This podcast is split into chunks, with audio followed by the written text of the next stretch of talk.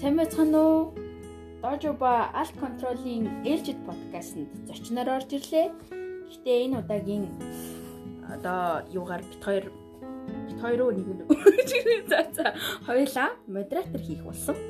За юун түрүүнд эхлээд би танарт Дожобог танилцуулъя. Дожоба бол 19 настай. Нэг нэг хагас нүдтэй хөрхөн бамбууш байгаа.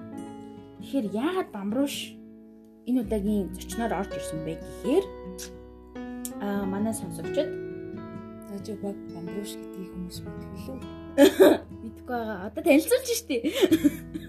Тэгэхээр дожобо бол бамбрууш. Чихмэл бамбрууш. Тийм ээ. За сая дожобо толгойд өгсөн шүү. Тэгээд Дажи багийн фэнүүд инстаграм дээр дагдаг дээ. Бүгдээрээ таньдаг болчихсон манай алт контролчуд. баярлаа. Тэгэхээр Харин 19 настай гэдгийг өстой өстой сонсч би хүртэл ерөөс анх удаа сонсч мэдээгүй. мэдээгүй. За за э, 19 настай. 90 юм уу? Эмэгтэй эмэгтэй. Аа. Тийм. Тэгээд манай дожобо шаргал цусмын өнгөтэй. Бамбрууш нь зүгээрт нэг адам адаа яаж авч зүслээд. Тэгэхээр хүүхдүүд ер нь багасаа нэг хөрхөн чихмэл тоглоомтой байдаг. Аа миний хувьд дожоботой хамт 19 жил хамт байсан байна. Энэ бол анхандаа бол бэлэг болж ирсэн. Одоо миний найз. Тэгээд ерөнхийдөө хүүхдүүдийн анхны найз нь бол яг чихмэл тоглоомод байдаг. Тийм яагаад анхны найз нь чихмэл тоглоомод байдсан бол Хэн бэлгэлсэн бэ? аа ээж бэлгэлсэн. Тэ тэгэхээр хэдэн настай байсан бэ? 3-тай байсан юм уу? Тийм 3-тай байсан. Тэгээд сонсогч нь би ч та бод. Тэр бороо асуулт. Тэглээ. Дажи баг 19 биш юм бэ? За за 19 дэх шүү ямар ч байсан. Энэ нэг 3 стер гараад ирсэн. Тэгээд ерөнхийдөө миний анхны найз гэж хэлж болно. Ярьдаггүй л болохоос биш ерөнхийдөө их хань болдог. Энэ яриад байгаа дажи баг юм? Айл айл нь л. Энэ асуулт нь айл айл нь л. Ерөнхийдөө намайг одоо яг нь л таньдаг.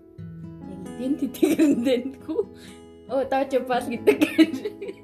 Тийм, алт контрол гэсэн намайг бамбууш гэж боддог.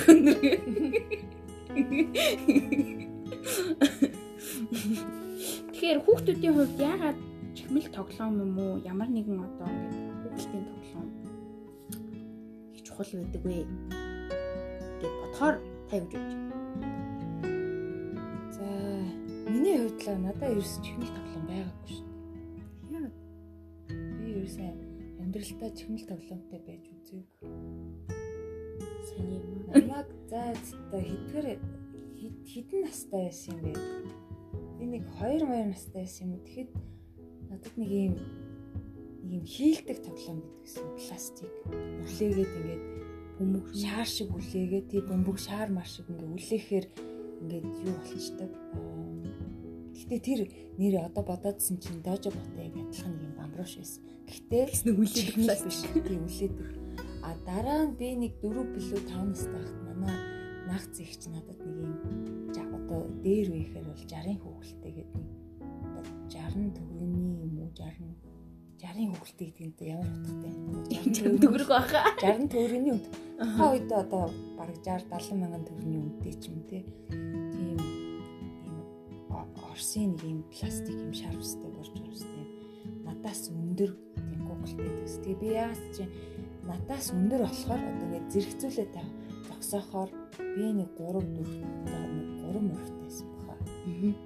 Би ингээд зогсохоор миний тэр хүүхдээ надаас өндөрчүүл ямар ч нэг 10 20 см. Тэгээ өөрөөсөө том болохоор хүүхдтэйгээ өөрийнхөө ихчгээд ойлгоцсон. Энд яагаад ярьдаг бол гэтээ уйлдаг. Доош нь харуулахаар уйлдаг. Аа. Харуулахаар Сонсч ирсэн юм байна. Нэг уйлдаг хүүхдтэй төс. Тэгэл нөгөөтгөө ингээл уйлуул одоо уйлуулж байгаа тэр үйл хөдлөл нь одоо юу гэдэг чинь надад нэг ямар нэг юм тохиолдоод байна. Надад ямар нэгэн тийм аа одоо би өсөөд байна, уйдаад байна, эсвэл би гармаарай ч гэдэг юм. Тэрийгэ хүүхдтэйгээ доош нь харуулж илэрхийлдэг. Тийм л Ерөнхийдөө өөр санаж. Тэр хүүхэлтэйгээр өөрийгөө илэрхийлдэг гэсэн үг. тий нэгсэндээ хүүхэлтэй нь өөрийнх нь өмнөөс ингээ уйлаад ингээ ярьчихж байгаа байхгүй.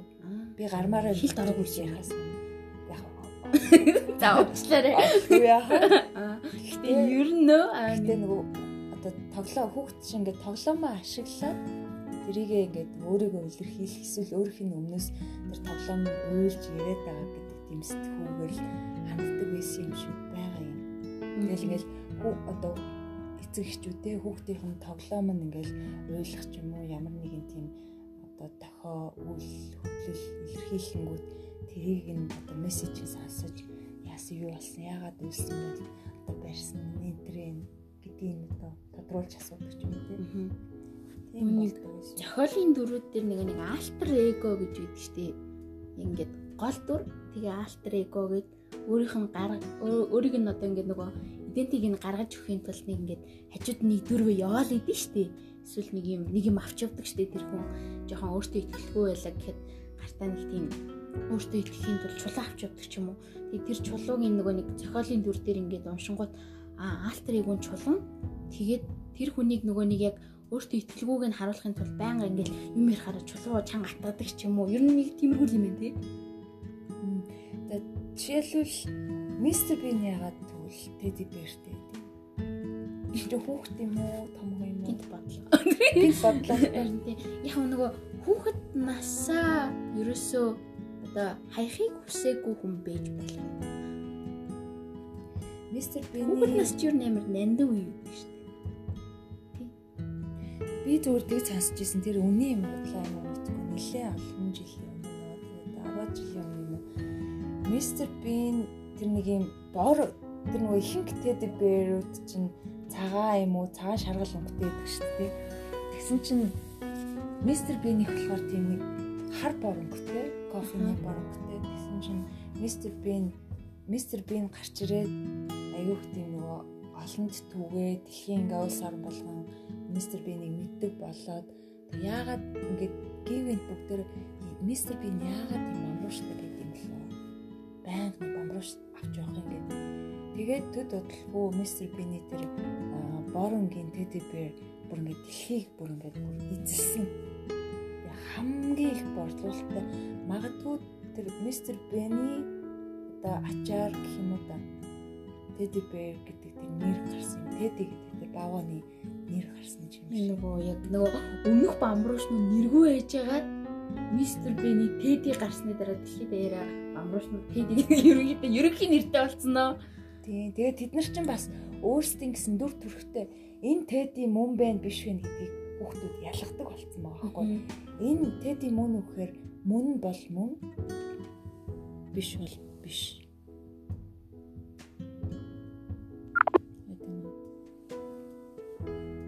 За яж байгаа манай подкаст сая дундуур нь жоохон тасалдчихлаа. За мистер Бин өргөжлөл өргөжлөл та сая юу ярьж байлаа юм. Аа тэгээд ерөнхийдөө нөгөө нэг сая нөгөө мистер Бэни тийм Тедигээд ярьсан шүү дээ. Тэгээ нөгөө нэг Тедигээр нь дэлхийдээ ярих бүх бомбрушнуудыг ингээд Тедигээд ерөнхий нэртэй болсон гээд тэрийг ер нь дожо дожо бад их тохиолцоо. Тэгээ яг нэг би ингээд нэг байнга авч явдаг болохоор дүүнер маань ингээд харсан үтсэн бүх бомбрушнуудаа тэрийг хартаа доожо ба нэг бомбрушиг харахаараа даа доожо ба яг анхны нөгөө нэг суур мэдлэг өгсөн гээ. Одоо теди бэр гэдэг теди гэдэг нэрийг теди бавааны нэрийг дож багаар сэлж байгаа юм шүү. Аа энэ баг бол мазаалаа. Монгол мазаалаа. Ер нь баг ер нь дөхөн шүү цэрэм. Тий, турхай, шүмгэр, урт овшуутай, Яах ханшаар нь малтуулаад найжуулсан. Говийн царайтай, үсэн жоохон Нэг марсан манай жоохон үчиг нэг тийм үйлдвэрийн илэгдэл биш яг дүүнэрийн илэгдэл явсан байхгүй. Ер нь жоохон ингээд өрөөс нь нүд мүдэн жоохон таталцсан нэг тийм ядаргаанд орсон за за за за. Ой энэ мамброш муулаад тийш. За тэгээд гэтээ ер нь хүүхдүүд бамбрууша яг өсвөр нас хүртлээ ер нь авч явал тэгэл тэрнээс цаашаа сонирхол нь шал ондоолцдог юм шиг байна. Гэтэ ер нь одоо орчин үеийн хүүхдүүд харьцангуй энэ нэг тоглоом юм одоо чихмэл тоглоом моглоом сонирхоос илүүтэй одоо юм технологийн дэвшилттэй янз бүрийн компьютерийн тоглоом, гар утасны тоглоом, тэгэл телевиз айгу олон төрлийн одоо пазл, мазл тэгэл чихмэл тоглоомоос гадна бас айгу олон төрлийн тоглоомны төрлүүд нь айгу олон болцсон тий. Тэгэхээр одоо юу гэдэг чинь чихмэл тоглоомоо нэг хүн шүүлж одоо амтай гэдгээрээ сэтгэхээс илүүтэй тэрийг бараг байгаа үгүйгийн тоож харддаг. Тийм хүмүүс бас нэлээх байд юм шиг. Ер нь ингээд а одоо ингээд би ингээд битээ бамруулж барьж яваад жагаад өсвөр насанд ороод ирсэн чинь нөгөө нэг нэг дээр нэг тамагочигийн амтан байсан штэ. Тэгээ нөгөө тижээгээд идэг хүч мөхий. Тийм тэр шиг ихлээд ингээд тамагочи чи ингээд үйлдэл үзүүлээд байгаа штэ. Бамруулш маань ингээд ерөөсөө үйлдэл үзүүлэхгүй штэ мэдээж. Тэ тэнгууд яг өсвөр нас яваал ихэлсэн чинь нөгөө нэг яг дээр үед бол тамагочи байсан. Тэгээ манай үед болохоор нөгөө нэг talking tom mom гараад ирсэн. Тамагочи ч одоо хүртэл байгаа шүү. Байгаа л да яг нөгөө тамагочигийн хөгжил нь яваад talking tom mom болсон шүү дээ. Тэр нь юу talking tom?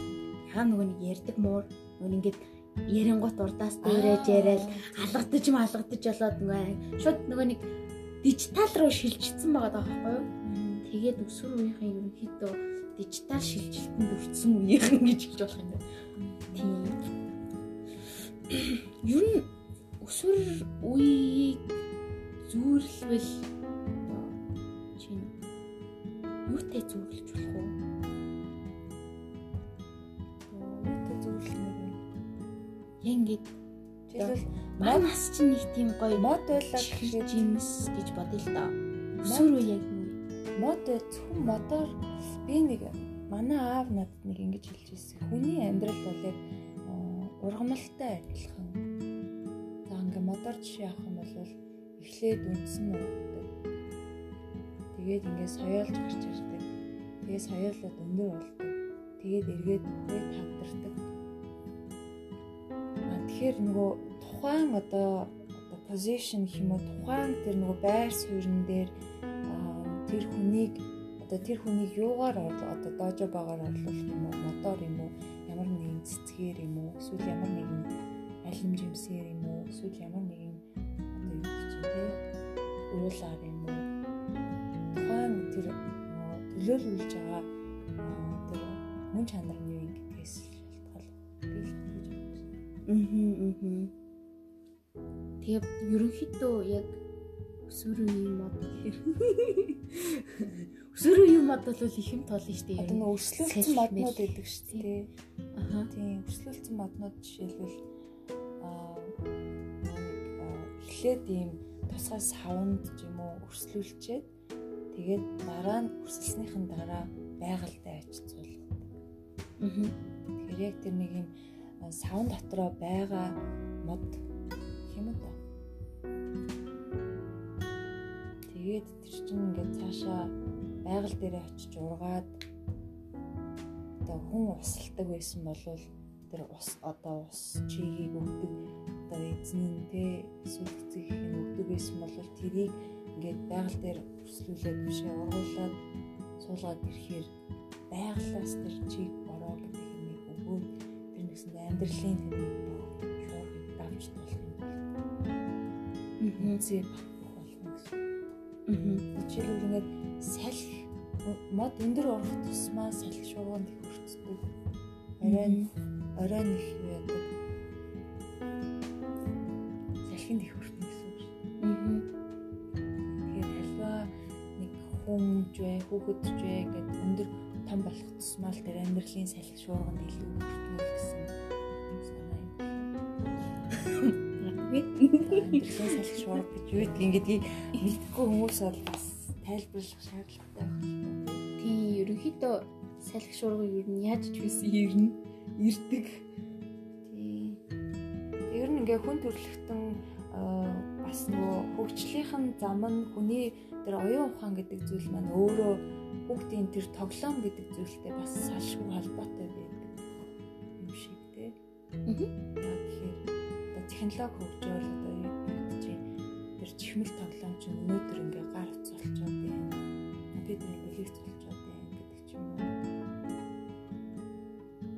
байна. технологич дижитал цахимжиж байна л гэсэн үг тийм. Одоо юм сүрэж бүрийг цахим ертөнцөөслийг болно тэр нэг салхи шуургыг цахим ертөнцид болоод байгаа шиг байна те. Тэр нэг туулах хэвээр салхи шуурганы цахим ертөнцөөр дамжиж ирдэг болцсон гэх юм уу?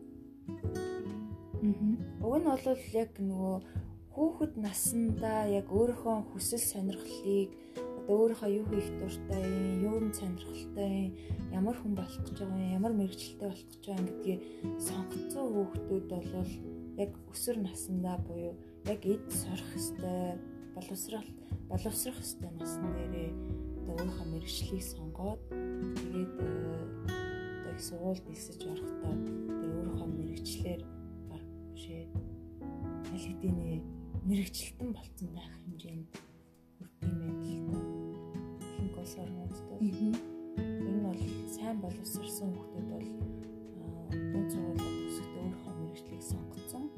Өөрийнхөө мэрэгчлэр бас тодорхой хэмжээнд гүнзгийшсэн. Барайж юм суурьтай болцсон. Их сургуульд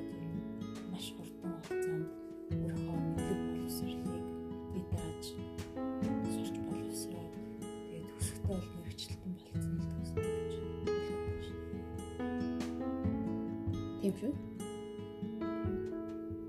Тэгээ одоо ингээд нөгөө нэг бүх юм дижитал шилжилттэй бол цахим ертөнцийн ер нь их голыг олвол манай өсвөр үеийнхэн их ганцаарддаг болсон юм шиг санагдаж байгаа. Одоо ингээд нөгөө нэг lifetime харилцаа одоо жинхэнэ бодитбол дээр харилцаа нь багасаад зүгээр яг ингээд найзуудтайгаа ингээд харангуут ерөнхийдөө бол одоо бүгдээрээ чатан дээр актив байдаг те Тэгээд урд нь жишээ нь одоо тийм цахимжаагүй дижитал шилжилт хийгээгүй байсан үед бол яг нөгөө нэг яг нэг байрны гадаачвал хинээ хинээ гэж дуудаж гаргаж ирээл ярьдаг байсан.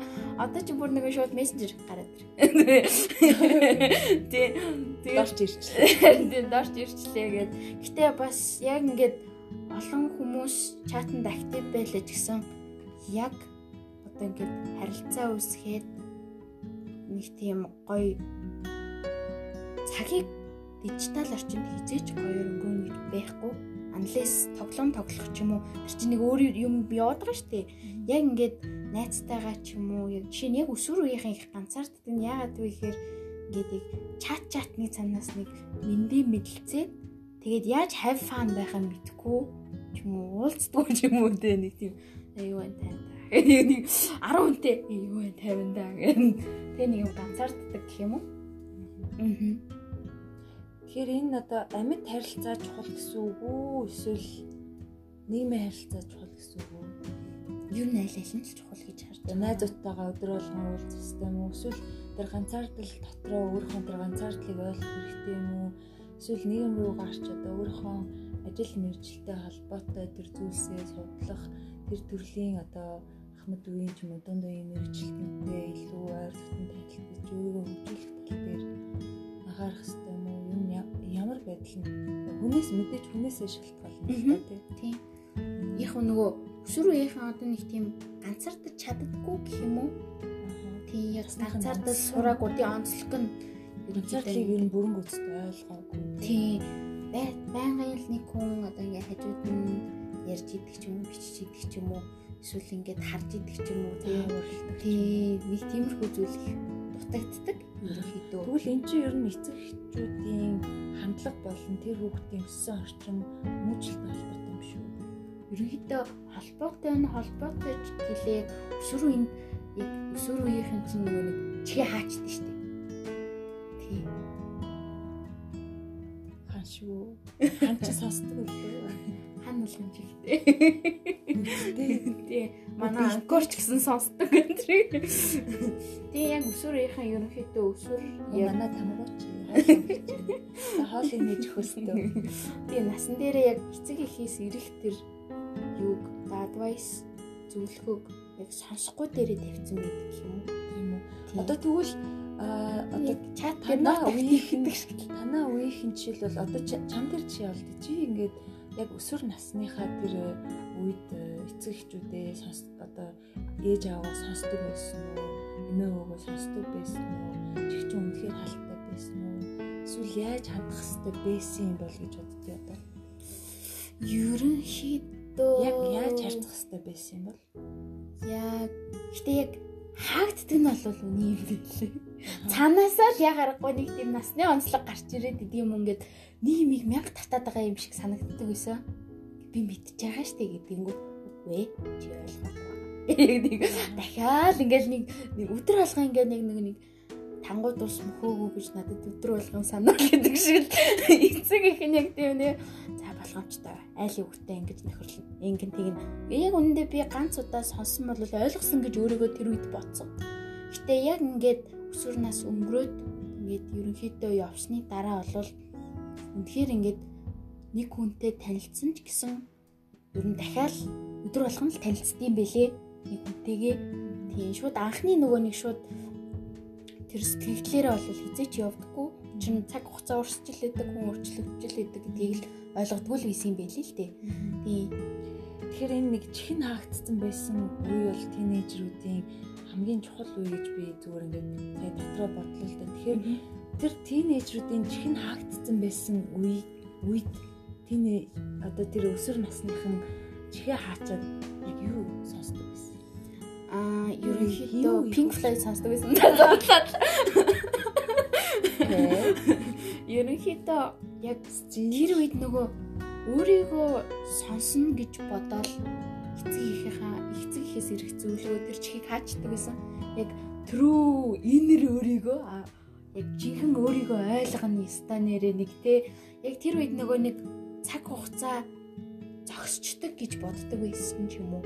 Ингээд энэ ингээд үргэлжилнэ гэдгийг мартчихдаг ч юм уу. Нэг бодлын чихээ чаа чин цаг хугацаа урсаж байгаагч мартаад өөрийгөө ингээл нэг их олохгүй л те ингээл бүх ингээл хажуу хүмүүсийн сонирхож байгаа юмыг сонирхол телевизээр ч нэг юм ингээл гараал ингээл амар олон юм сарндаг гэх юм уу тэгээд тэгэнгүүтээ ингээд тэр үед нөгөө эцэг ихээс болохгүй шүү гэж байгаа юм дээр яа яг өөртөө яагаад болохгүй гэж гэх нэг асуулт тавиад тэгээд тэгээд нөгөө нэг ихэнхдээ өсвөр насн дээр их буруу сонголтууд хийдэг нь ер нь баг тэрний учирдах л байгаа л да. Яг Pink Floyd зүсэцээ. Тий. Ер нь ямар ч үед одоо дижитал шилжилт ч байсан, дээр үед ч байсан, ирээдүйд ч байсан өсвөр насн дээр бүх хүн л чихээ хаах байхаа гэж би бодож байгаа. Тий. Яг ингээ нэг талаасаа бол бас аюу тийм сонирхолтой юм шиг яг жинхэнэ одоо би хүн, хувь хүн гэдэг тэр үндсэн мөн чанар баг одоо нэгсэндээ тэр чихээ хааж яах гэдэг чинь гаднаас нөлөөлж байгаа нөлөөллүүдийг хүлээж авахгүйгээр яг өөр дотроо яг жинхнэрээ оршиж байна гэсэн үг шүү дээ. Чихээ хааж яах гэдэг чинь тийм гадны нөлөөлөлгүй одоо яадгүй гэхээр жишээлбэл урлагийн салбарт ч юм уу одоо ялангуяа тэр дундаа дөрслөх урлагийн салбарт а эсвэл боддгийн гүн ухаанд те гаднаас авах зүйл байхгүй бүх чиний дотор оршин байдаг.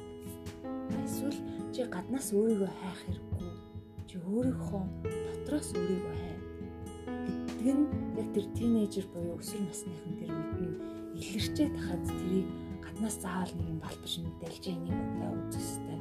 Энийг намайг сонсох хэрэгтэй ч гэдэг юм уу.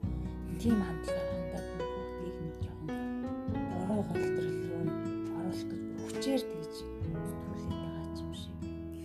Гэхдээ энийг яг энгийн чин дээр л тайлбарлуул чинь бурхан багш одоо өмнө нь ситарта байхад аав нь ингээл өвчин зовлон үзүүлэхгүй те. Яг л эцэг эхийн хийдгийг л хийсэн штэ.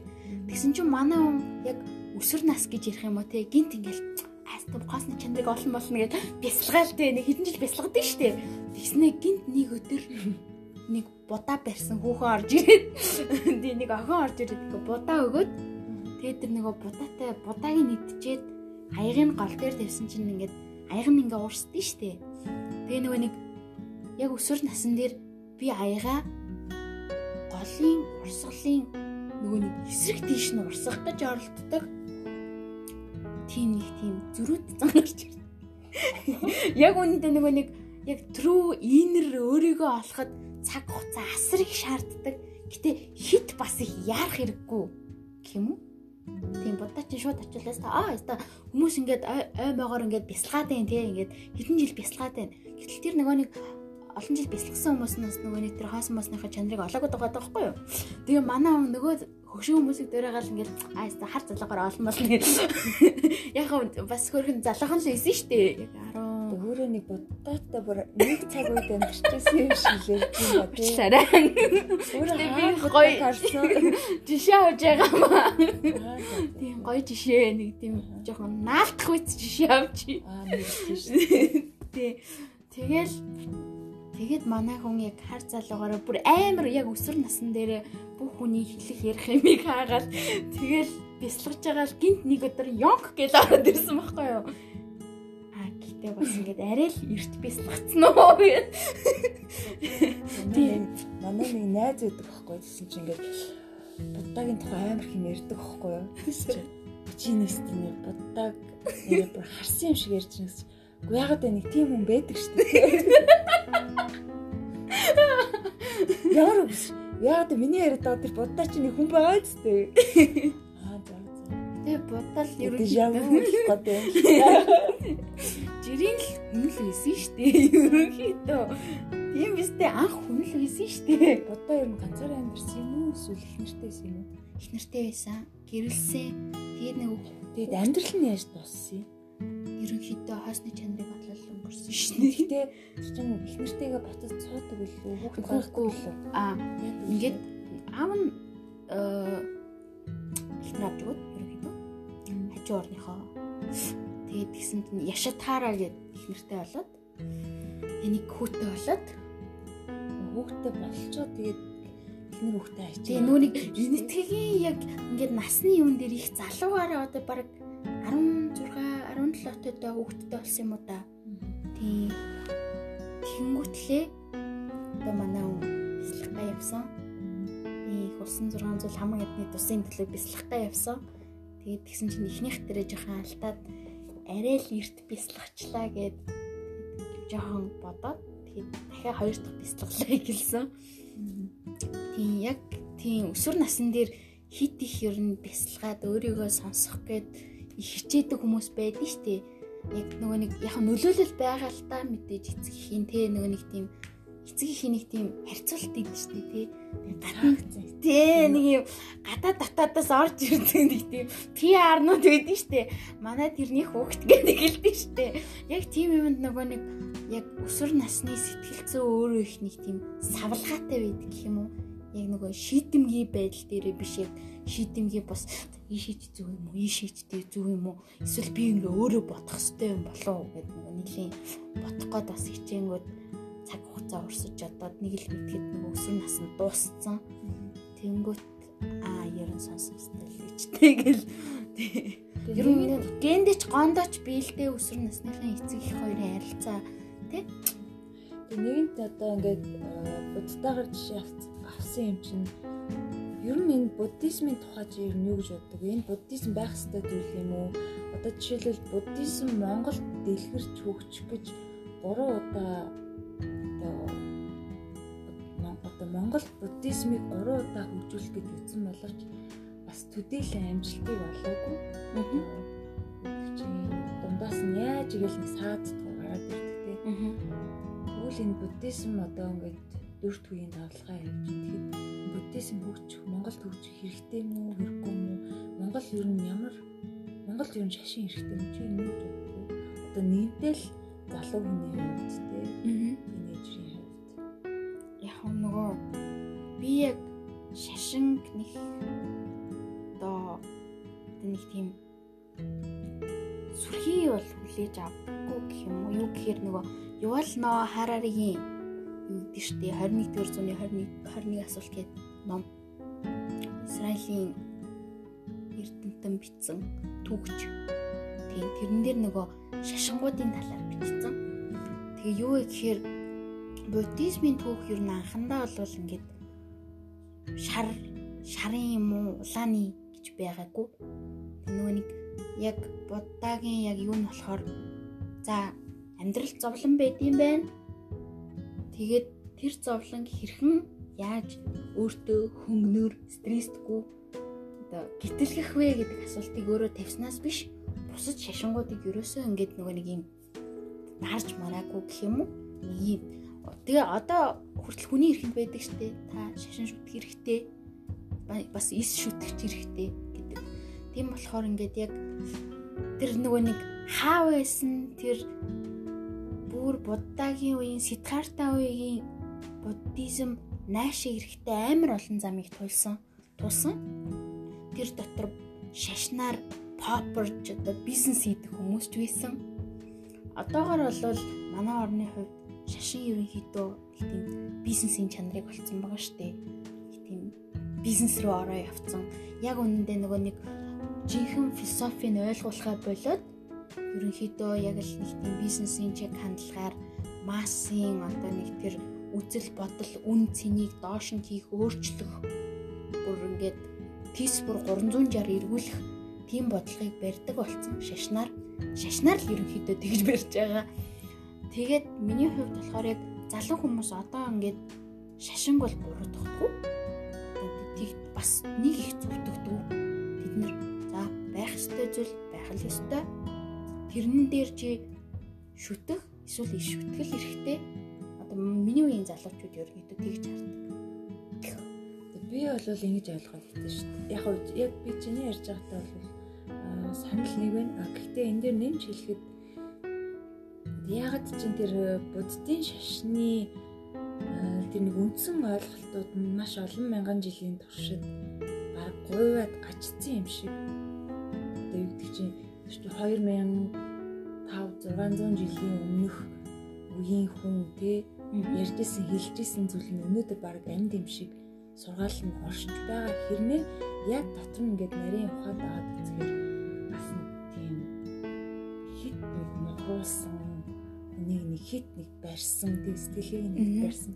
А гэтэл зүгээр миний ойлголтоор бол тэр Буддагийн яг өөрийнх нь яг үндсэн хамгийн гол үндсэн тэр зорилго нь юу байсан бэ гэхээр тэр нэг орд харш шилтгэн сууж исэн хүн тэндээс гарч өөрийгөө чөлөөл тэр бодит үнэнтэй тий амьдралын үнэн гэдэг зүйлтэй эхлээд би танилцах хэрэгтэй юм байна.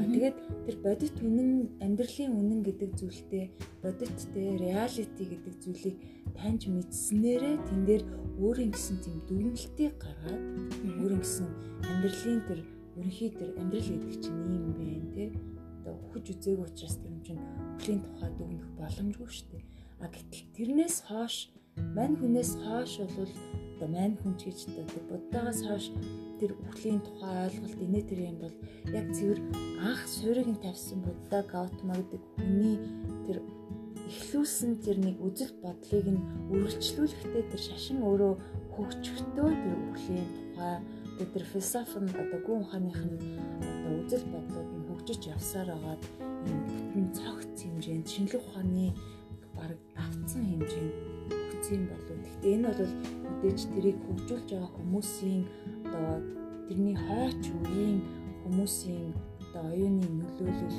ухааны нөлөөлөл бол зөндөө ихтэй. Гэтэ яг анхдагч зорилго нь бол манай гэрээ хаяад өөрийнхөө гэсэн бүх эд зүйлсийг орхиод байгаль дэлхийтэйгээ ойр байх. Тэгээ байгаль дэлхийтэй ойр байснараа хүн өөрөө байгалийн нэг хэсэг юм аа гэдэг зүйлийг л хамгийн мань хүний хамгийн гол номлосон зарчим нь тэгээд одоо юу гэж нэг модны дэргэд суугаад бясалгаад тэгээд тэр зүйл ингээ шатдаг ч юм уу мөхрөө тундлаа салхинд хийсээ байхгүй боллоо гэхэд энэ бол айгүй хоосон чанартай зүйл юм а гэдгийг л ерөөсөө одоо өнөөдөр миний харж байгаа энэ мод маргааш байхгүй болчихно. Гэтэл энэний оронд өөрийн цэцэг ч юм уу эсвэл нэг хад чулуу байж ич болно гэсэн тэр хөдлөшгүй баримтыг л өөртөө бий болгосон юм болов уу? Тэр нь жоохон одоо хожмоо нэг юм ягштал баримтлж байгаа юм шиг тийм үзэл бодол болж хувирсан бүр нэг дэг сургаал болцсон тий. Гэтэ мэдээж энэ буддын шашны аюу олон урсгал чиглэлүүд би бясалгалын маш олон төрлүүд би тий. Тэгээд дэлхий дээр ганцхан одоо соёл иргэн дэлхийн одоо 8-аас 10 орчим соёл иргэншилтэй байгаа энэ дотор бол буддизм бол зөвхөн нэг хэсэг нь тий. Тэгэхээр ерөнхийдөө ингээд нийтэд нь базаад аваад үзэхээр энэ буддизм ч вэ, юдизм ч вэ, одоо христиан ч вэ, одоо католик ч вэ, одоо юу чинь даоисизм ч вэ ер нь бүгдөө нэг өөрсдийн гэсэн тийм философитой байсан. Тэгээд тэр хамгийн гол нь шашныг шүтгэхээс өмнө тэр философийн аягүй сайн судлах хэрэгтэй. Гүн ухааны сайн судлаад хамгийн гол тэр гүн ухааных нь үзэл онол нь юу юм бэ? Баримтлал нь юу юм бэ? Гол чиг баримжаа нь юу юм бэ? Гол зорилго нь яг юунаас болж ингэж ийм дүгнэлтэнд хүрсэн юм бэ гэсэн тийм л бодомжууд байгаа юм л та. Тэгээ зүгээр залуу хүний үед би бас шашны тухай ярих бол дуртай биш. Яг тэгэхээр шашны тухай ч юм уу эсвэл гоо ухааны тухай ярина гэдэг нь баг амьдралын тухай онол ярих болчоод идэг. Бид нар өөрсдөө энэ амьдралыг онолдох ч юм уу дүгнэх дээрээ биш яг дотор нь амьдарч байгаа хүмүүс учраас тий. Одоо би өөрийнхөө Яаж хараагүй юм а ярих вэ? Чиг шиг. Би жишээлбэл өөрийнхөө хотоодыг хизээч дурангаар л хараагүй бол би өөрийнхөө хотоодыг хизээч хараагүй юм. Миний хотоод одоо ямар хүн өнгөтэй байна? Миний хотоодны одоо дотоод чулуу байна уу? Тийм юмнуудыг тодорхойлох олж хэлэх боломжгүй байхгүй. Тэгэхээр шашин бол ерөнхийдөө яг л тэр бодгаал нь хүн нь өөрөө юм. А гэтэл нөгөө бурхан гэдэг зүйлс нь өөрөө яг дотоод дотоод эргэтнүүд нь юм гэж ойлгож болох юм бэ. Аа. Энд яг хүмүүс ингэж боддог гэж болно. Сайхан хэлээ контрол. Тэгээд ер нь эцсийн дүндээ бол альва одоо шашинч вэ, амьдралч вэ, одоо юу ч байсан гэсэн хүн эргээд ингээд тэр өөр татгшоогоо өөр л үгээ одоо тэмүүлж ийн гэдэг нь гадагшаага биш өөр л үгээ тэмүүлнэ гэдэг бол тий өөрийнхөө тэр дотоод ертөнцөө олж харах өөрөө ухамсарт тий оюун санаанд одоо өрнөж байгаа тэр зүйлсийг тайлбарлаж байгаа л зүйл юм л та. Тэгэхээр энэ бол ялчгүй ганцаардaltaй холбоотой. Тэгэхээр будда ганцаардаа сурсан хүн байсан гэсэн үг үү? Ганцаараа байсан учраас бясалгасан. А хэрвээ тэр хүн ганцаараа байх боломж олдоогүй бол одоо өнөөдрийн хэмжээнд нэмгүй ухааны хэмжээнд хүртлээ тэр номлол нь өнөөдрийн хүртэл хэрэгжихгүй байх юм. Яа тэгэхээр тэр хүн яагаад тэр хүн ганцаараа байхыг зүгээр зүүн сонгороо мэдэрсэн байгаа байхгүй. Яа тэгэхээр би ингээл гэр бүлэрээ тижээлгээл гэр дотроо сайхан амьдрал эхнэр хүүхдтэйгээ жаргалах юм бол би энэ амьдралын үннийг олж харахгүй мэн гэдгийг мэдэрсэн учраас тэр хүн үнэтэй толохын тулд ганцаараа байх хэрэгтэй болсон. А тэр ганцаараа байх хугацаанд л яг тэр өөрийн дотоод үннийг олж харсан. Тэгэхээр ер нь одоо ингээ ганцаараа байна гэдэг нь нэг бодлын үнэнтэй нүүр тулнаа гэсэн үг юм байна. Тийм үү? Тийм шүү дээ. Ер нь бол нэг юм үг гэдэг шүү дээ. Альбер Камигийн үг гэдэг шүү дээ. Одоо амьдралын ямар ч хүнд хэцүү цагт те чамаас өөр чамд өөртөө чинь туслах хинч байхгүй. Тэр чи чамд ингээ одоо сайн найз нөхдөөч вэ, гэр бүлч вэ тэр хамаагүй хамгийн гол нь яг цагаа талаа шийдвэр гаргахад хүнд өөрөөс нь өөр хинч байдаггүй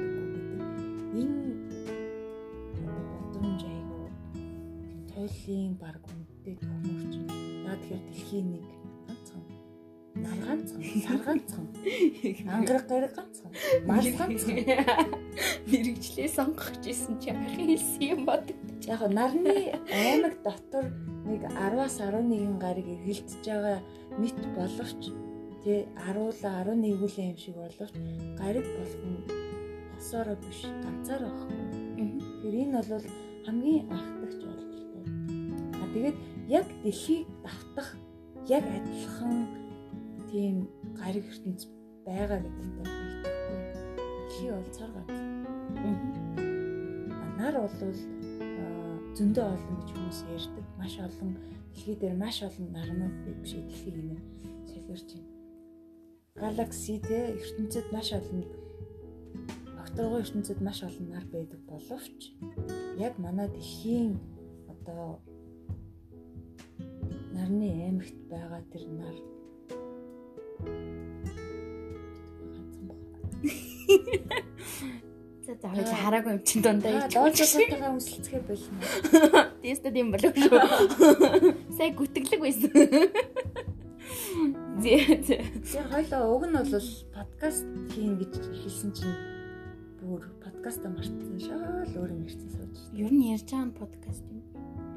Подкаст гэж юу юу юм? Подкаст.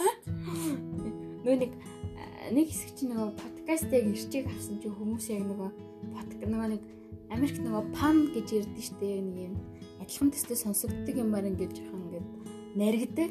Тэр шиг монголчууд бас нэг хөрхий наригаад подкаст чи яг үндэ подкаст баггүй юу? Тэгээ ботоод жоохон ингээд castaway тий жоохон зайгаа барай бот а ганцаараа бот мод энэ тайлбарлаж мэлбэлээ. Тэр бот чинь body болсон бод подкаст.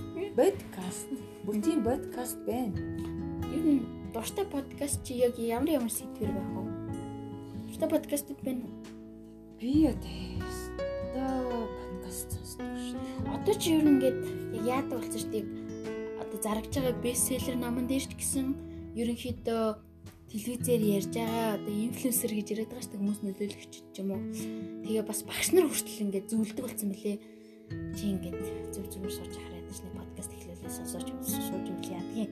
Тэгээ уг нь бол шүү дээ подкаст нэг төрлийн айгу зүв зүвтэй айгу айтаахан зүйл байхгүй. Нэгсэндээ тэр FM хуучин FM радиогийн үгийг өнөөдөр подкаст гүйцэтгээд байгаа юм шиг надад санагдав. Тэгээ хамгийн гол нь энэ одоо подкаст болгон одоо нэг channel нэг сувг байлаа гэж бодоход тэр подкастуудыг ингээд дотор нь ангилж судлах хэрэгтэй л дээ. Энэ бол харьцангуй шинэ судлагдсан одоо технологийн антропологч гэдэг юм уу тийм одоо шинэ мэрэгшил байх юм бол энд бол Монголдо бол хэрвээ хин нэгэн подкастын одоо судалгаа үндсэн судалгаа гэх юм бол энэ бол Монголдо хамгийн анхдагчийн судалгаа судлаач болно гэсэн болж чадна.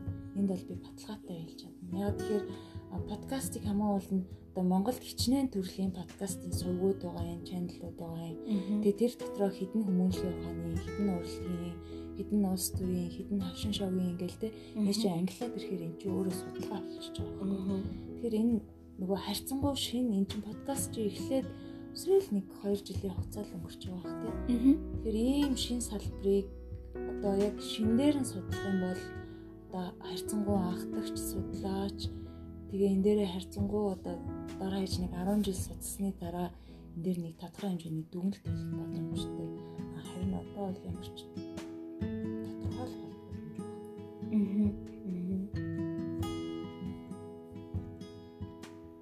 Аа. Одоо чинь ер нь яг тренд болоод байгаа подкаст чинь нөгөө нэг зочин илтгэгчтэй подкастууд ер нь арай их тренд болоод байгаа санагдсан. Тэгээ тэр чин бас ингээд зочин нь заавал олны танилч юм уу? Одоо өдөр болгон зургатаа гардаг ч юм уу? Нэг тийм хүмүүс байж ич одоо өөрсдийнхөө подкастын тэр сувгийг таниулахын тулд тэгээд байгаа зүйл. Тийм ер нь маркетингийн хувьд бол тэгж байгаа. Аа гэхдээ ерөнхийдөө яг одоо ингээд нөгөө нэг нэг тийм бидэнд нэг юм сууц мессежтэй подкастаас өмнө юу гэх юм яг олны танил хүнл ярьж ивэл энэ зөв зөв зөвийн чанартай ч юм уу те нэг тиймэрхүү маас тийм тийм нэг юм ихтгэлцэл яваад исэн штэ подкаст гарч ирснээс хойш манай Монгол ямар олон одоо тийм салбар салбартай мэрэгсэн хүмүүс байдаг талаар залуучууд их ойлголттой болсон гэж бодоод байгаа одоо ингээд нэг олон танигдлаас бол мэрэгчлэлтний дуу хоолой олонд одоо хамгийн хордон энгийнээр ямар нэгэн авилгал хийх ахалгүйгээр хүрэх хамгийн хэлбэр боломжтой.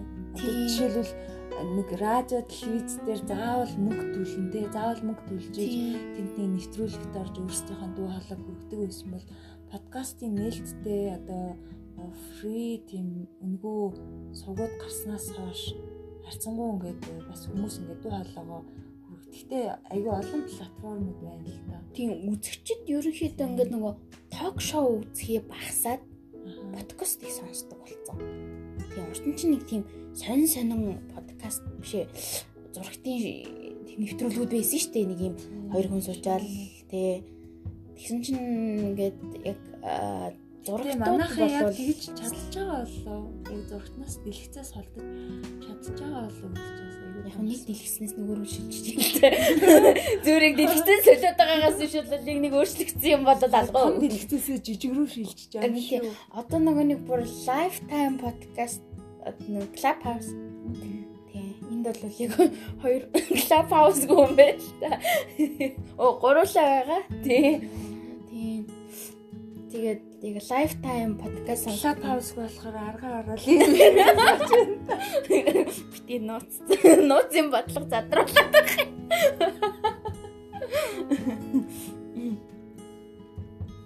Гэтэ нь дожобогийн хамаатнууд аягүй их шүү дээ. Тэнд нэг байна Тэр нэг байна. Тэр гол сууж байна. Тэмэр гинт яг нүд нэгдэж байна. Дожо багийн ахын сууж байна. Аа ёо. Сая евро заас нэг хилчгүй ч гэсэн. Ингээд тхим бол тэгээ хоёлоо подкаст хаалах юм.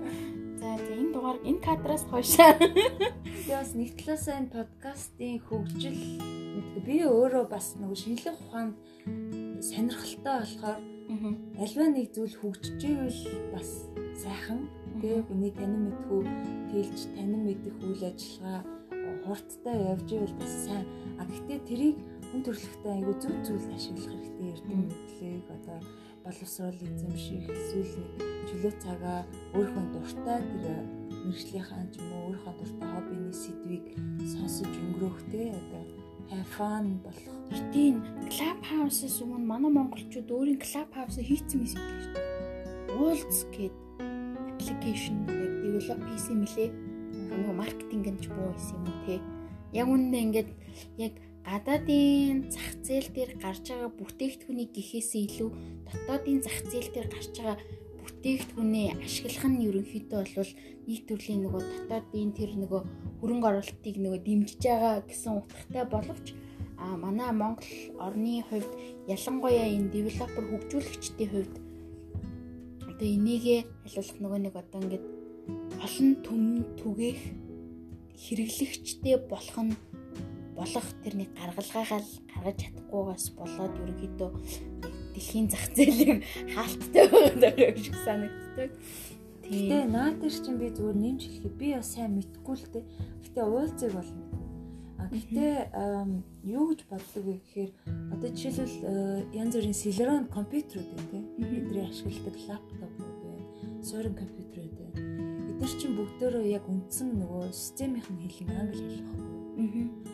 Монгол хэл дээр системтэй тийм компьютер байхгүй шүү дээ. Өөртөө орчуулж хийгээгүй. Өнөөдөр Windows-ийн ч юм уу Macintosh-ийн системийг монгол хэл дээр орчуулаагүй байхгүй.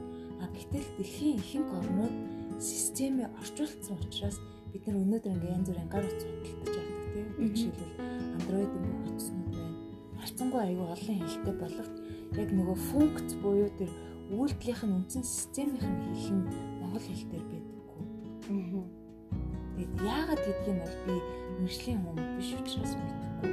А гэхдээ энийг системийн орчуулж ийж энийг одоо янз бүрийн платформуудыг гаргаж ирэх боломжтой. Одоо уулз уг нь бол эн чинь нөгөө жимэгээ системийн өөрийнх нь үндсэн нөгөө аппликейшнуудын нэг шүү дээ уулз чинь. Тэгээд энэ жимэгээ систем чинь өөрөө юун дээр суурилж гарсан бэ гэхээр монгол хэлний монгол бичгийн Unicode систем баггүй. Тэгээ яасан гэхээр энэ яасан гэхээр ч яг хөө миний ойлгосноор бол одоо жишээлбэл бид ингээ юу Photoshop нэгээд нэг фонт нээдэг тий. Эсвэл Word-ийн фонт, эсвэл Photoshop. За тэгээ ингээ Photoshop дээр ч юм уу, эсвэл InDesign дээр ч юм уу, эсвэл Word програм дээр ингээ бид нар ямар нэгэн фонт авдаг Монгол ялангуяа модерн Монгол буюу орчин цагийн Монгол хэлний Кирилл үсгийн фонтыг ингээ ашиглах гэхээр Кирилл үсгийн фонтны дизайн одоо латинтайгаар харьцуулахад харьцангуй цөөхөн одоо жишээлбэл чи ингээл гар утсан дээрээ фотошоп ч юм уу эсвэл гар утсан дээрээ ингээл нүүр номын ч юм уу эсвэл инстаграмын юу хийхэд нөгөө текст оруулахад кирилл дээр те бичиж байгаа тэр үг эсгүүд чинь латин дээр бичсэн тэр фонтуудтай харьцуулахад кирилл нэг цөөхөн байдаг. Тэгэхээр эн чинь өөрөө нөгөө Unicode буюу тэр нөгөө одоо хэлний тэр үсгийн тэр кодчлол гэдэг зүйл байгаа. Тэр код чинь өөрөө олон улсад одоо тодорхой хэмжээний мөнгө төлөөд тий одоо тэр систем үндсэн системийн тэр төвүүд дээр нь тодорхой хэмжээний одоо юу гэдэг чинь бид нэг вебсайт авахд өөрийн гэсэн нэр дээр вебсайт авахд нэг домений төлбөргээд нэг жил нэг хураамж татвар төлдөгтэй адилхан.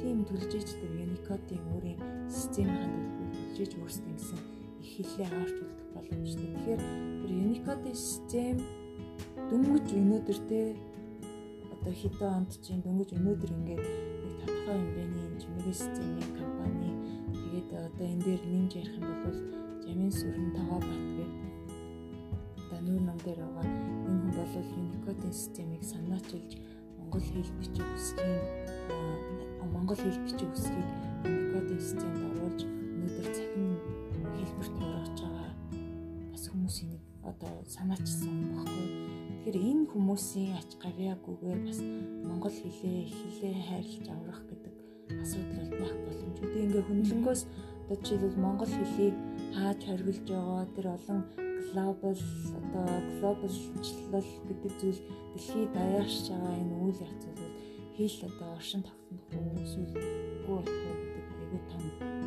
үнэлт асуудал баггүй. Тэгэхээр дэлхий дээр ямар ч байсан Монгол хэлээ тэгээд дараа хажны 8-аас 10 сая энэ үндэстэн Монгол үндэстэн байгаа цагт бол Unicode-ийн систем Монгол хэл зайлшгүй багтах ёстой гэдгийг л ямар ч байсан оройтойгүй ч гэсэн олж харсан гэж байна шүү дээ. Би энд бас энэ чимээгийн системийн хамт олон баярлах гэж боддог. Одоо жишээлбэл бид нар бид нар ингээл чимээгийн систем дээр одоо тунгаамал тал дээр ингээл их хэлээрээ хэрвээ зөв цэвэр дуутахад тэн дээр монгол хичгээр гарч байна. А монгол хичгээр гарсан тэр одоо бэлэн үгийг сайхан копи хийгээд тэр үсгийн одоо өөрийнхөө хэлсэн үгэн дээрээ монгол хичээр гарсан үгэн дээрээ удаан дараад копи хийгээд ингэж нүүр намын ч юм уу ямар нэгэн тэр стори тий? Тэрэн дээр ингээд паст хийгээд тавихад хойлох хийгээд тавихад тэр бол одоо ямар ч ажиллаж байгаа байхгүй. Өмнө нь бол тэр чинь нөгөө код танихгүй учраас юм дөрвөлжин тэмдэгт гардаг ч юм уу x тэмдэгт гардаг ч юм уу эсвэл хоосон тэгээ юу ч гарахгүй байдаг ч юм уу. Эн чинь нөгөө Unicode чинь нөгөө кодо танихгүй үсэг өөрөө фонт танихгүй гэсэн үг байхгүй. Тэр тэр Монгол бичиг өөрөө хэрэглэнээс гараад бараг 100 жилийн одоо 70 80 90 жилийн хугацаанд нэг хэлнээс одоо тэр кодын системээс альва зүйл хөгжөөд тэр нэг дижитал цахим ертөнц маань хөгжсөөр хагаад бүх зүйл код кодчлогдсон байхад Монгол хэлний тэр Монгол бичгийн тэр нөгөө нэг үсгүүд өөрсдөө кодоос хасагдсан явж ирснийг л манай эрдэмтэд болж харсан байгаа юм чинь бас 21-р зууны ер нь түүхэнд одоо дэлхийн хөт төрөлхтний дээр дотор оршин байгаа үндэстнүүдийн саягүй чухал нэг үндэстний нэг түүх хэл бичиг соёлын түүх байхгүй яг энэ хэлэхэд. Аа. Их хэрэгтэй мэдээлэл өгсөн алт контрол лом баярлаа. Гэтэ энийг бас бодоо штэ л да ерөнхийдөө.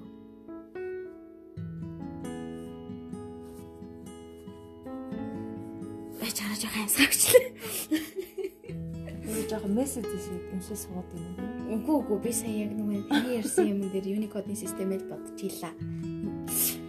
Тийм. Зя өнөөдрийн подкаст маань ерөнхийдөө их гоё явж байна.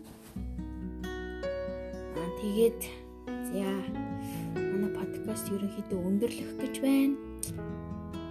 Тэгээд би одоо ихлүүлсэн юм чинь өндөрлөхийн алт контрол хийх байна. За ингээд микрофоныг алт контрол дон дожбо бит хоёр шилжүүллээ. За дожбоныг сонсогчдод зориулаад нэг ганц үг хэлэхгүй юу? Хэлчлээ сая. Дожбон намайг сонсон баярлалаа гэж хэлэх За тэгэхээр ямар ч байсан алт контролын подкастыг сонсдог та бүхэнд маш их баярлалаа. Өнөөдрийн бидний подкастад Дожоба хүрэлцэн ирж оролцсон маш их баярлалаа Дожобада. Тэгээд хэрвээ алт контролын подкастаас одоо энэхүү подкастаас ямар нэгэн зүйлийг нэмж тодруулах эсвэл цаашдаа юу сонсомоор байгаа, юун тухай ярилцмаар байгаагаа гэдгийг хүсвэл манай алт контролын Instagram болон нүүр номын хуудас руу мессеж бичээрэй. Тэгээд хүссэн сэдвэрээ бас хинтээ уулзахыг хүсэж байгаагаа та бүхэн бидэнд мессеж хэлгээгээрэй. Тэгээд энэ өдрийг сайхан өнгөрөөгөөрэй гэд энэ өдрийн подкастыг өндөрлөе. Түр баяртай. Баярлалаа.